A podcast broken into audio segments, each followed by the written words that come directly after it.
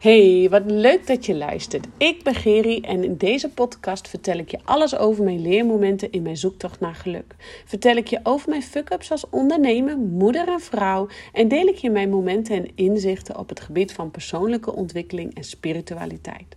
Zodat jij je ook kan ontwikkelen tot de vrouw die jij wilt zijn. Want 17 jaar lang heeft mijn leven in het teken gestaan van anorexia en bulimia en was het gewoon pikken donker in mijn leven. Totdat ik besloot om verantwoordelijkheid te nemen voor mijn shit en mijn struggles. En deze struggles komen we bij tijd en wijle allemaal tegen. Maar met deze podcast wil ik de schaamte eraf halen en jou inspireren om ieder moment weer opnieuw te kiezen. Want ieder moment is een nieuw moment. En vandaag wil ik het met je hebben over um, je familiesysteem, systemisch werk. En eigenlijk is dit dan al deel 3 in rij. Uh, want ik krijg nog steeds uh, veel reacties van jullie. Super lief, dankjewel. En um, niet alleen reacties van herkenning, uh, maar ook heel veel nieuwsgierigheid. En gewoon, maar hoe zit het dan met het familiesysteem waarin ik kinderen heb met de ene partner en er een nieuwe partner bij is gekomen en daar ook weer een kind mee heb. Hoe, zit dan, hoe geldt dan het familiesysteem, de familiefontein voor mijn kinderen? Um, ik kom zelf uit een samengesteld gezin. Hoe zit dat dan? Weet je, dat soort vragen allemaal. En ik ben hierin natuurlijk niet de expert. Dat is echt um, Els van Stein. En mocht je haar uh, boeken willen lezen of uh, podcast willen volgen of weet ik veel, whatever, raad ik dat ook echt aan om te doen. Um, ik merk heel erg dat ik hierin uh, heel veel herkenning ook heb gevonden.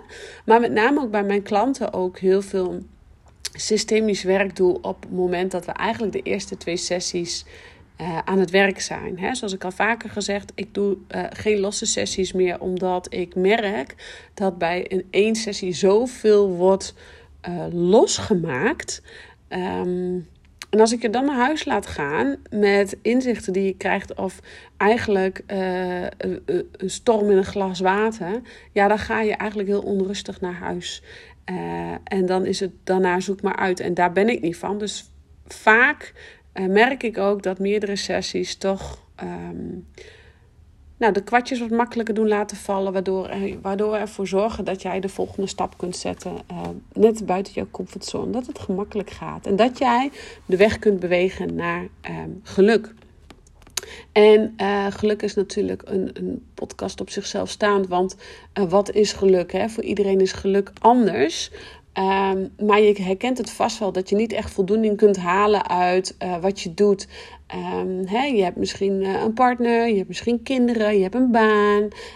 Hè, voor de buitenwereld ziet het er allemaal perfect uit. Maar toch voel jij je niet helemaal gelukkig. Je voelt aan alles, er is wat. Maar je kan er niet de vinger op leggen wat er dan daadwerkelijk aan de hand is.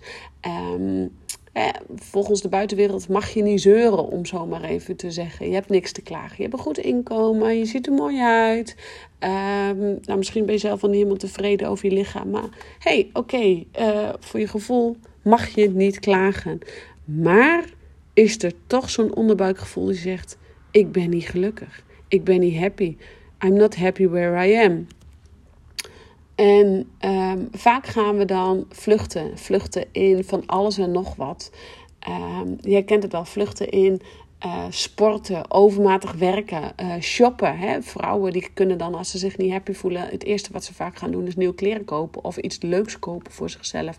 Om op de korte termijn dus iets, een fijn gevoel te krijgen. Dus op de korte termijn oh, even, nou, even weer die kribbel te voelen. Alleen dat is inderdaad dus voor de korte termijn. Um, vaak vluchten in eten en eetbuien. En uh, die ken ik natuurlijk uit het verleden. Um, en hoe, ik zal je daarin zeggen, ik heb heel veel klanten die ook nog last hebben van eetbuien. Uh, maar naarmate ze bij mij aan het werk zijn, um, en ik spreek daarin echt uit ervaring, dat je echt van die eetbuien af kunt komen. Als je bereid bent om naar binnen te kijken, om met de vinger naar binnen te wijzen en in beweging te komen. Um, maar dat is natuurlijk makkelijker gezegd dan gedaan. Alleen het familiesysteem kan je daarbij wel wat handvaten geven. Um, omtrent je gevoel. Hè? Want je gevoel is er eigenlijk continu. En ja, vaak als we niet helemaal happy zijn, uh, ook in de verkeerde bak van de fontein staan, dus niet helemaal, uh, hè, dus met familiesysteem, dat het familiesysteem niet helemaal kloppend is. Dan gaan we dus vaak vluchten in werk. Zetten we onszelf op die laatste plek. Willen we iedereen tevreden houden, behalve onszelf. Uh, je hebt het gevoel van. Ah, er is iets, maar je kunt het niet echt onder woorden brengen. Want je hebt eigenlijk alles wat je hartje begeert, maar toch ben je niet gelukkig. En dan kan het maar zo zijn dat het uh, een hardnekkig patroon is wat daar zit, wat doorbroken mag worden. En uh, dat kan hem soms al in hele kleine dingen zijn. zijn. Dus bijvoorbeeld eerder nee zeggen tegen een ander. Of uh, hè, uh, ruimte innemen voor jezelf binnen het gezin. Zonder dat daar iemand anders eh, last van heeft misschien wel. voor je gevoel dan. Hè. Ik kreeg ook wel eens de, hè, dan vraag ik wel eens aan aan, mijn volgers van... Hey, wat vinden jullie nog een leuker uh, podcastonderwerp? En ik kreeg laatst een keer een vraag van, of een uh, reactie... Oh, zou je wat willen doen over voor jezelf kiezen zonder schuldgevoel? Um, ja, ik denk dat dat voor iedere moeder heel herkenbaar is. Maar met name op het moment dat jij in een goede bak van de fontein staat... dan, dan voel jij je niet meer schuldig op het moment dat jij... Um, op het moment dat jij in de juiste bak van de fontein staat en je eigen ruimte dus inneemt. Want daar gaat het om. Hè? Je eigen ruimte innemen binnen jouw familiesysteem. Je eigen ruimte innemen binnen jouw gezin van herkomst. Maar ook binnen jouw huidige gezin. Met jouw partner of met, met wie je dan ook samenwoont. En je kinderen natuurlijk. En nogmaals even kort samengevat, de, het familiesysteem, systemisch werk, familiefontein. De familiefontein gaat dus heel erg over. Stel jezelf voor dat je een fontein hebt met van die bakken. In de boven, hè, van boven stroomt daar water naar beneden. In de bovenste bak staan je ouders. En, daar en daarboven staan weer hun ouders. Daarboven staan weer hun ouders. En onder je ouders staat dus uh, de kinderen, je broers en zussen in, in uh, volgorde van geboorte. Dus je oudste broer of zus staat boven en dan kom jij en nou ja, waar je dan ook staat. En daaronder nog broertjes of zusjes. Daaronder bij jouw eigen bak komt weer de splitsing dus met jouw partner en daaronder weer de kinderen.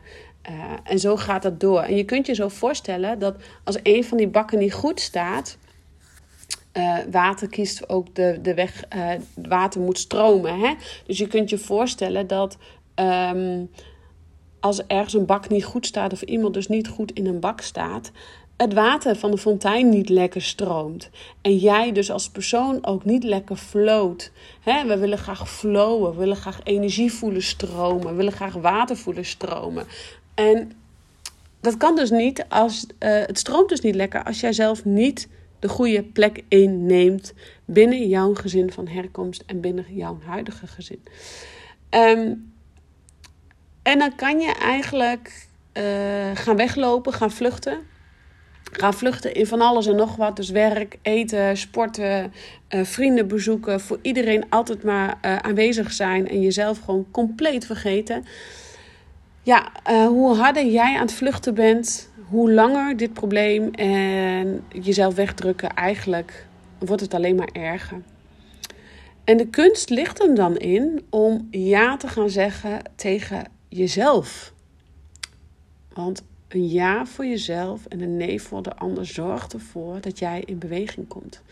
Want je voelt, jij bent degene die zich niet gelukkig voelt. Jij bent degene die zich niet happy voelt. Je kan het misschien niet onder woorden brengen, maar toch heb je een bepaald onderbuikgevoel wat niet klopt.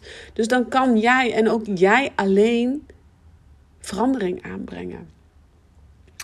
En helaas is dat altijd de weg van de meeste weerstand. De weg van de meeste weerstand zorgt ervoor dat je in geluk komt. In, in jouw zoektocht naar geluk steeds een stapje verder komt.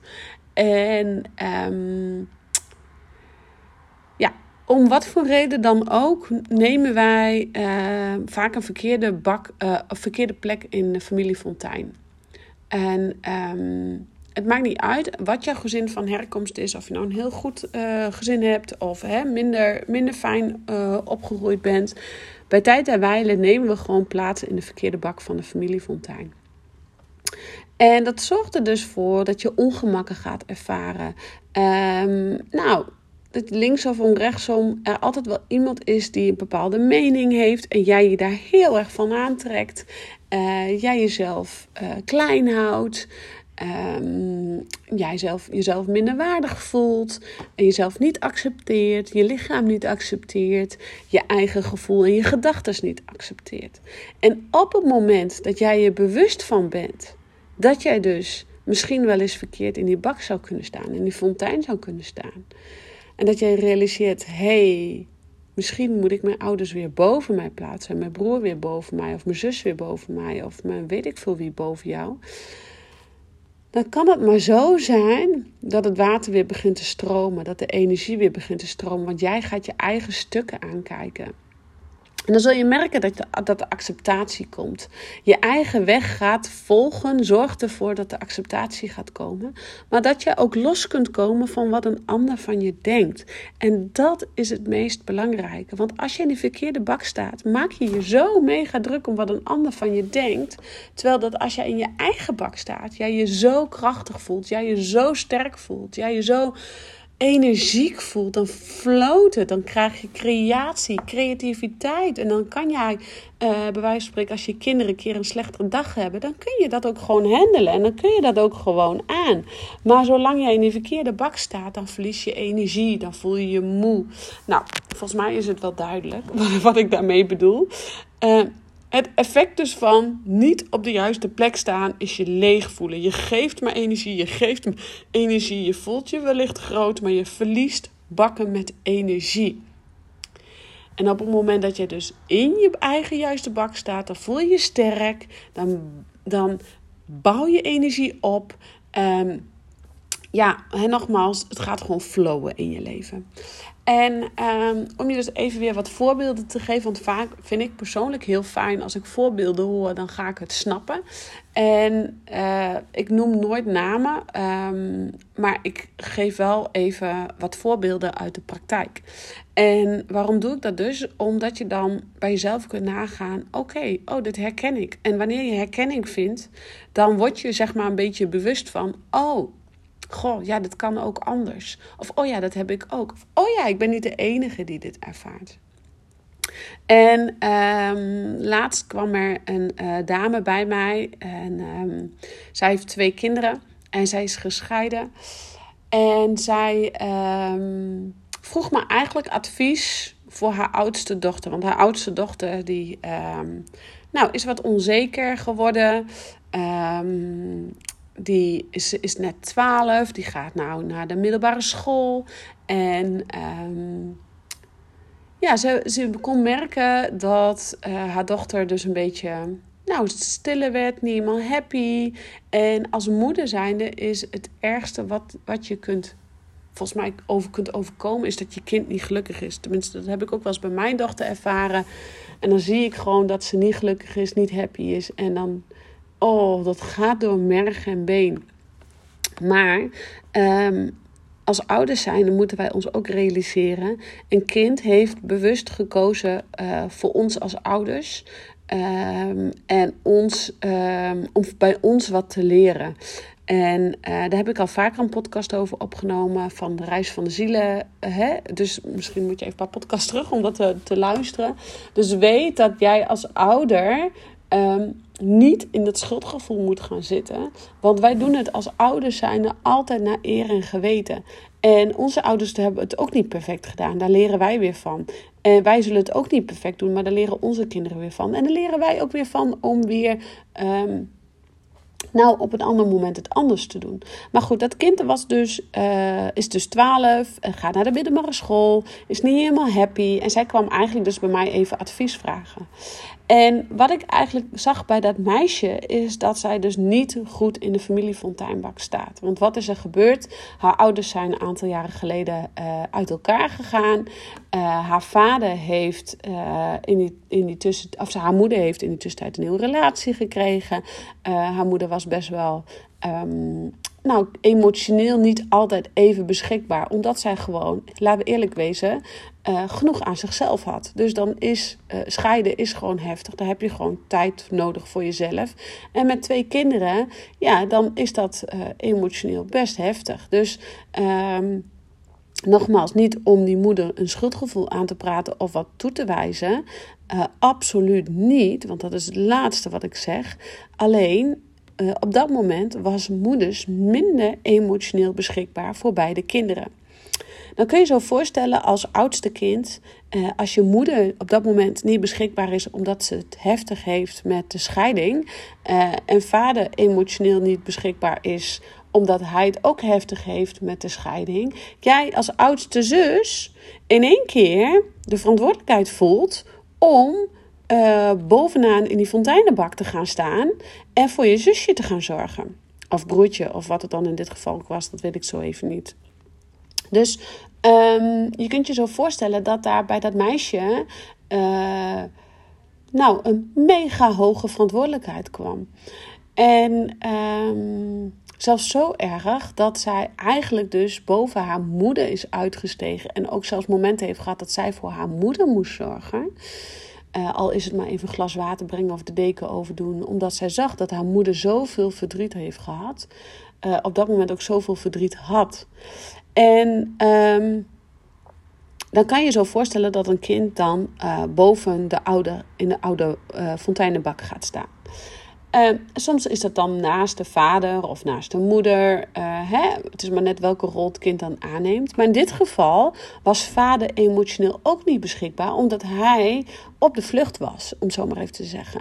Um, dus zo beide ouders waren een periode. Dat kan een periode van weken zijn, een periode van maanden, dat weet ik niet. Uh, daar ken ik ze niet genoeg, goed genoeg voor. Um, wat ik wel dus doorkrijg. En dat krijg ik dan door omdat ik dus met uh, haar aan het werk ben. Dan, krijg ik, dan voel ik dus haar energie. En dan zie ik dus dat zij verkeerd in de fonteinbak staat. En dat komt dus omdat moeders dus te veel verdriet had en emotioneel niet beschikbaar kon zijn. En vaders dus ook uh, eigenlijk emotioneel niet aanwezig was, omdat hij aan het vluchten was. Hij stond ook in de verkeerde fonteinenbak, waardoor uh, eigenlijk geen goede fundering was voor beide kinderen. Dus um, oudste kind ging op de plek van ouders staan, op de plek van papa en mama staan. Dat zorgde ervoor dat papa uh, in een korte tijd uh, een andere relatie had, waar hij uh, uiteindelijk ook nog weer een kind mee heeft gekregen. Is niks mis mee? Zeker niet. Ook, na, ook nog weer naar papa toe. Zeker geen schuldgevoel. Alleen als we kijken naar dat meisje die krijgt dan in één keer via een andere hoek, komt daar nog een fonteinenbak bij. Dus dat meisje heeft in één keer voor twee kindjes wat te zorgen. En dat is natuurlijk niet zo, want beide ouders waren er gewoon. Alleen, je kunt je zo voorstellen, als dat meisje de plek in van haar ouders heeft overgenomen in de fonteinenbak, dat haar eigenlijk uh, zij haar eigen gevoel opzij schuift voor, om voor haar andere, uh, voor haar zusjes en broertjes te zorgen. Dus dat meisje heeft zo'n mega groot verantwoordelijkheidsgevoel gekregen. Zo mega groot. Die is dus zo druk bezig op 12-jarige leeftijd met iedereen maar gelukkig maken. Zichzelf op die laatste plek zetten. Um, ze voelt zich gewoon niet gelukkig. Ze is 12 en ze gaat naar de middelbare school. Alles is nieuw. Maar ze durft niet die nieuwe stap te zetten omdat ze eigenlijk haar zusjes en broertjes en weet ik allemaal niet waar ze voor moet zorgen. En haar ouders niet in de steek wil laten. Hè? Dus um, eigenlijk staat zij dus verkeerd in de familiefontein. Zij voelt uh, zich sterk, want ze wil zich staande houden. Maar tegelijkertijd is ze leeg van binnen. Het stroomt niet, er klopt iets niet. En je voelt dat het niet klopt. Um, ze voelt ze ergens doordat ze zich sterk en belangrijk voelt en zorgen voor. En tegelijkertijd loopt ze leeg. En dat op 12 jaar leeftijd. Ja, dat is best intensief. En geloof mij, ieder oudste kind maakt dit bij tijd en welen echt wel een keer mee. En dan hoef je als ouder zijn nogmaals niet schuldig om te voelen.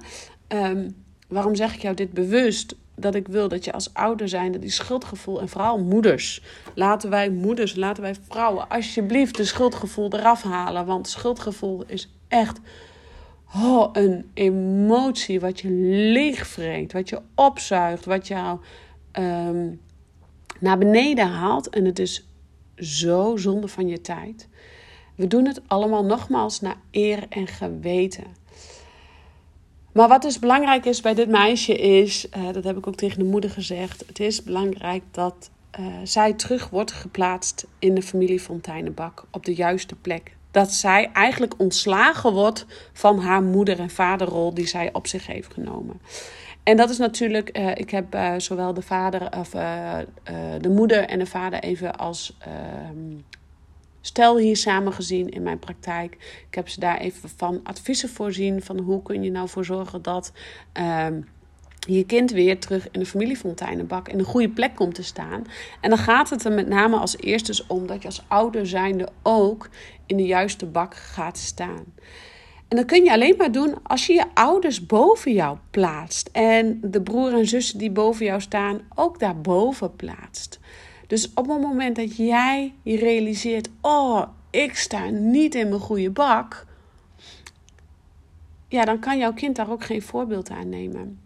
Want wanneer jij je bewust bent van jouw familiesysteem, wanneer jij je realiseert: ik sta niet goed in die bak en mijn kinderen staan niet goed in hun bak, dan wordt het tijd om de juiste plek in te nemen. Want de juiste plek in de familiefontein staat, als jij daarin staat, en de plek goed inneemt met de ouders daarboven en de broers en zussen boven jou die erboven horen, dan kun je ook relaties aangaan vanuit je werkelijke ik. Maar dan kan je ook gaan leven vanuit je werkelijke ik. Uh, want dan bestaat er geen getouwtrek meer en leuren meer en uh, emoties van de ander waar jij je druk over maakt. Nee, je staat in jouw kracht. En als jij in jouw kracht gaat staan en uh, verantwoordelijkheid gaat nemen voor de zorg voor je kinderen, uh, verantwoordelijkheid gaat nemen. En dan zeg ik nogmaals weer niet dat je dat niet doet, maar je even weer realiseert: oh ja, dit is wat ik te doen heb hier, nu, op dit moment. Dan kun jij je kinderen op energetisch gebied ontslaan van het zorgen voor. Maar dat kan pas op het moment dat jij je uh, bewust wordt van wat er gaande is. En dat je ook je partner, of in dit geval uh, een ex-partner, kan uh, nou, adviseren van goh, uh, misschien moeten we even onszelf aankijken. Uh, even met de vinger naar binnen wijzen. Even zelf met de bek door de drek. Zodat onze kinderen weer op de goede plek kunnen staan. En um, wanneer jij ouders hebt gehad, uh, wanneer jij zelf uh, volwassen persoon bent en je hebt ouders waarvan de ouder, um, waarvan jij ouders hebt gehad die emotioneel ook niet uh, beschikbaar waren of in periodes niet beschikbaar waren. En geloof mij, ik denk dat iedere ouders, iedere ouder bij tijd en wijle wel periodes heeft dat je niet emotioneel beschikbaar bent. Uh, dat kan van alles te maken hebben. Hè? Dus wat ik al zei, dat kan van je gezin van herkomst zijn. Dat kan zelf zijn dat je um, te maken heeft met uh, uh, dat je een hele drukke periode op het werk hebt, waardoor jij in een overlevingsstand komt en jouw kind dit onbewust aanvoelt en eigenlijk gaat zorgen voor, of nou ja, zoals wat ik zei van deze klant die in een scheiding lag, of, scheiding, of gescheiden is jaren geleden en daarmee um, eigenlijk emotioneel niet beschikbaar kon zijn voor haar kinderen, dan gaat het bij tijd en wijle gebeuren dat jij jouw kinderen, of een van je kinderen, met name het oudste kind binnen het gezin, uh, de rol van een van de ouders opneemt of naast uh, de gezond volwassene ouder komt te staan. En dat is niet erg. Alleen op een gegeven moment levert het wel scheefgroei op. En dan kan dus veroorzaken dat je kind onzeker wordt of uh, ook gaat vluchten in eetgedrag of uh, wegvluchten of altijd van huis willen zijn of uh, boos of nou ja, zoveel mogelijke dingen zijn mogelijk. Heb jij het idee dat jouw kind in de verkeerde familiefonteinbak staat? Um, dan is het altijd ook een afspiegeling naar jezelf. Dan is het een afspiegeling naar jezelf om te kijken: hé, hey, sta ik nog goed in mijn familiesysteem? Wanneer je voelt van hé, hey, ik sta niet meer goed in mijn familiesysteem, weet dan dat jij niet dit alleen hoeft uit te zoeken. Dat er mensen om je heen zijn die jou hierbij willen helpen. Um, als we dan dus terugkijken naar uh, dat gezin uh, wat gescheiden is en waarvan vader een nieuwe relatie kreeg met een nieuw kind. Dat kind, dat nieuwe kind om zo maar even te zeggen, dat komt dus bij dat meisje van 12 onder, onder haar fonteinenbak te staan. Dus zij draagt eigenlijk daar zorg over. Maar doordat wij dus uh, in gesprek zijn geweest, doordat ik eigenlijk met die moeder in gesprek ben geweest, haar, de moeder zelf, in de juiste familiefonteinbak heb gezet middels een coachingsgesprek en een hypnosesessie, is zij weer in een goede bak gaan staan. Hebben wij haar oudste dochter kunnen ontslaan van de vader- en moederrol. Is zij, uh, de meisje van 12, uh, eh, zelfverzekerder geworden en um, durft nu gewoon lekker relaxed naar school te gaan. En heeft er zelfs zin aan. Heel anders dan voor een paar weken geleden. Uh, toevallig kreeg ik vanochtend een berichtje van... Nou, ze is er klaar voor en ze heeft super veel zin om naar school te gaan. En uh, ze voelt zich echt al heel anders. En dat kan ik ook voelen aan de energie. Dat ze wat rustiger is, beter geslapen heeft, beter gegeten heeft. En weer gezellig kind is in huis. En um, daarnaast hebben wij dus ook die vader uh, ook weer terug kunnen zetten in zijn vaderrol. Want die was alleen maar aan het vluchten. En die moest eigenlijk dus nu even met de vinger naar binnen wijzen. En dat gaat hij nu ook doen. Dus dat is ook hartstikke mooi. Um, zo zie je maar weer dat soms met één persoon, in dit geval ben ik met moeders aan het werk geweest, uh, dat het dus effect heeft op het hele gezin. En niet alleen op haar eigen gezin, maar ook dus op haar gezin van herkomst. En zo werkt het ook vaak. Energetisch gebied werkt het vaak veel verder uit, waardoor wij, uh, daar zijn we ons helemaal niet van bewust. Maar soms is het, als jij voelt van hé, hey, er klopt iets niet, ga er dan met iemand aan de slag. Uh, Kom uh, bij mij voor een paar sessies en merk op dat jij, als jij in de goede bak staat, dat je eigenlijk A, jouw hele gezin van herkomst daarop resoneert, maar ook dus jouw eigen gezin, jouw eigen kinderen, jouw eigen partner daar ook in mee kan groeien. En dan ontwikkel jij je als persoon. Jij gaat la, uh, lager van die ui afpellen en komt dichter tot jezelf. En jouw, uh, je geeft jouw kinderen de ruimte om zich te ontwikkelen tot de persoontjes die zij zijn. Maar je geeft ook je partner de ruimte om zichzelf te ontwikkelen. Want dat wil jij als vrouw ook. Want als jij ontwikkelt, wil je ook dat je partner mee ontwikkelt. Maar dan moet je ook je partner toestaan om te ontwikkelen en die ruimte in te nemen. Dus het is geven en nemen binnen een relatie. Of dat nou met je kinderen is, of met een eh, gezin van herkomst, of met je ouders, noem maar op. Um, ik snap dat dit heel ingewikkeld is en het roept wellicht meer vragen bij je op dan dat je uh, begon aan deze podcast. Stel rustig de vragen, uh, want ik vind het maar wat leuk om ze te beantwoorden. Ik zal ze ook zeker um, uh, in DM beantwoorden. In de zin dat ik ze dus eerst privé ga beantwoorden voordat ik het in een podcast gooi. En niet alles uh, gooi ik direct in een podcast. Uh, en zeker zal ik dat anoniem doen. Maar ik weet dat het gewoon heel veel vragen oplevert. Ik weet ook dat het heel veel onrust en verwarring kan veroorzaken. Dus schroom niet om aan die bel te trekken mocht je vragen hebben over jouw familiesysteem. En soms kan het met een gesprek al um, heel waardevol zijn om even te kijken. Ik bedank je weer voor het luisteren. Ik hoop dat dit bij jou toch wat triggert om ook naar jouw familie fonteinenbak te kijken. Of jij in een goede bak staat. Uh, ook voor jouw kinderen en uh, ook naar jouw partner toe. Want het gaat niet alleen om jouw eigen persoonlijke ontwikkeling. Uh, vaak als jij je ontwikkelt, ontwikkelt jouw partner en je kinderen met je mee. En dat is graag wat we willen. Dat we groeien en kunnen groeien als gezin. Mocht je vragen hebben, nogmaals, schroom niet om ze uh, te stellen, om aan de bel te trekken. En um, ik bedank je weer voor het luisteren en ciao voor nu.